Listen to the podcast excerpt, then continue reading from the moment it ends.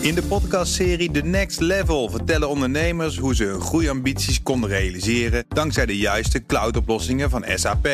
Wat waren de uitdagingen, de oplossingen en hoe ging de uiteindelijke implementatie? Benieuwd naar hun verhalen en hoe zij met behulp van SAP ook hun toekomstige ambities kunnen behalen? Luister de podcast The Next Level via de BNR-app of je favoriete podcast-app.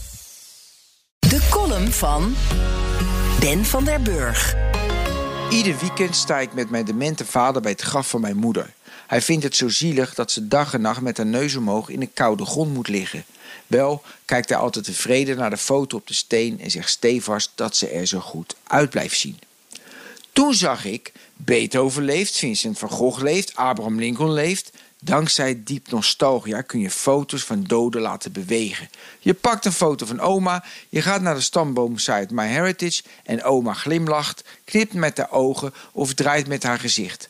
Diep Nostalgia analyseert de foto en zoekt de best passende animatie van gezichtsbewegingen uit die in hun database verzameld zijn.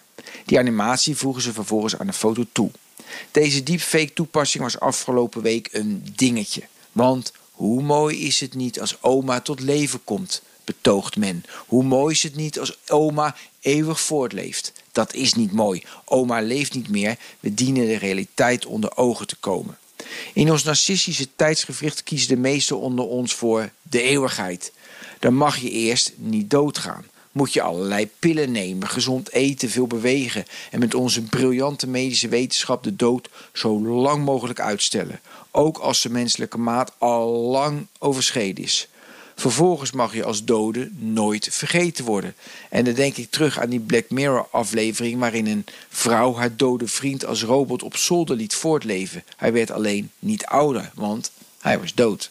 Ze kon daardoor niet verder met haar eigen leven en dat maakte haar uiteindelijk ongelukkig. Dat was nog science fiction, nu een realiteit.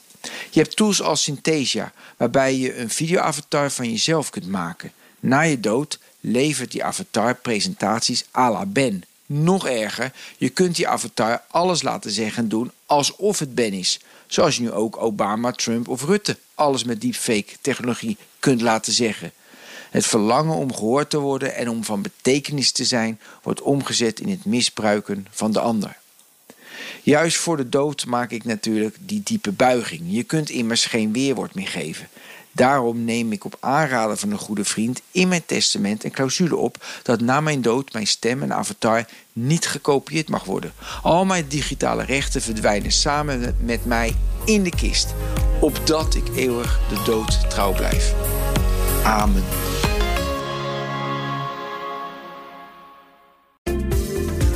In de podcastserie The Next Level vertellen ondernemers hoe ze hun groeiambities konden realiseren dankzij de juiste cloudoplossingen van SAP.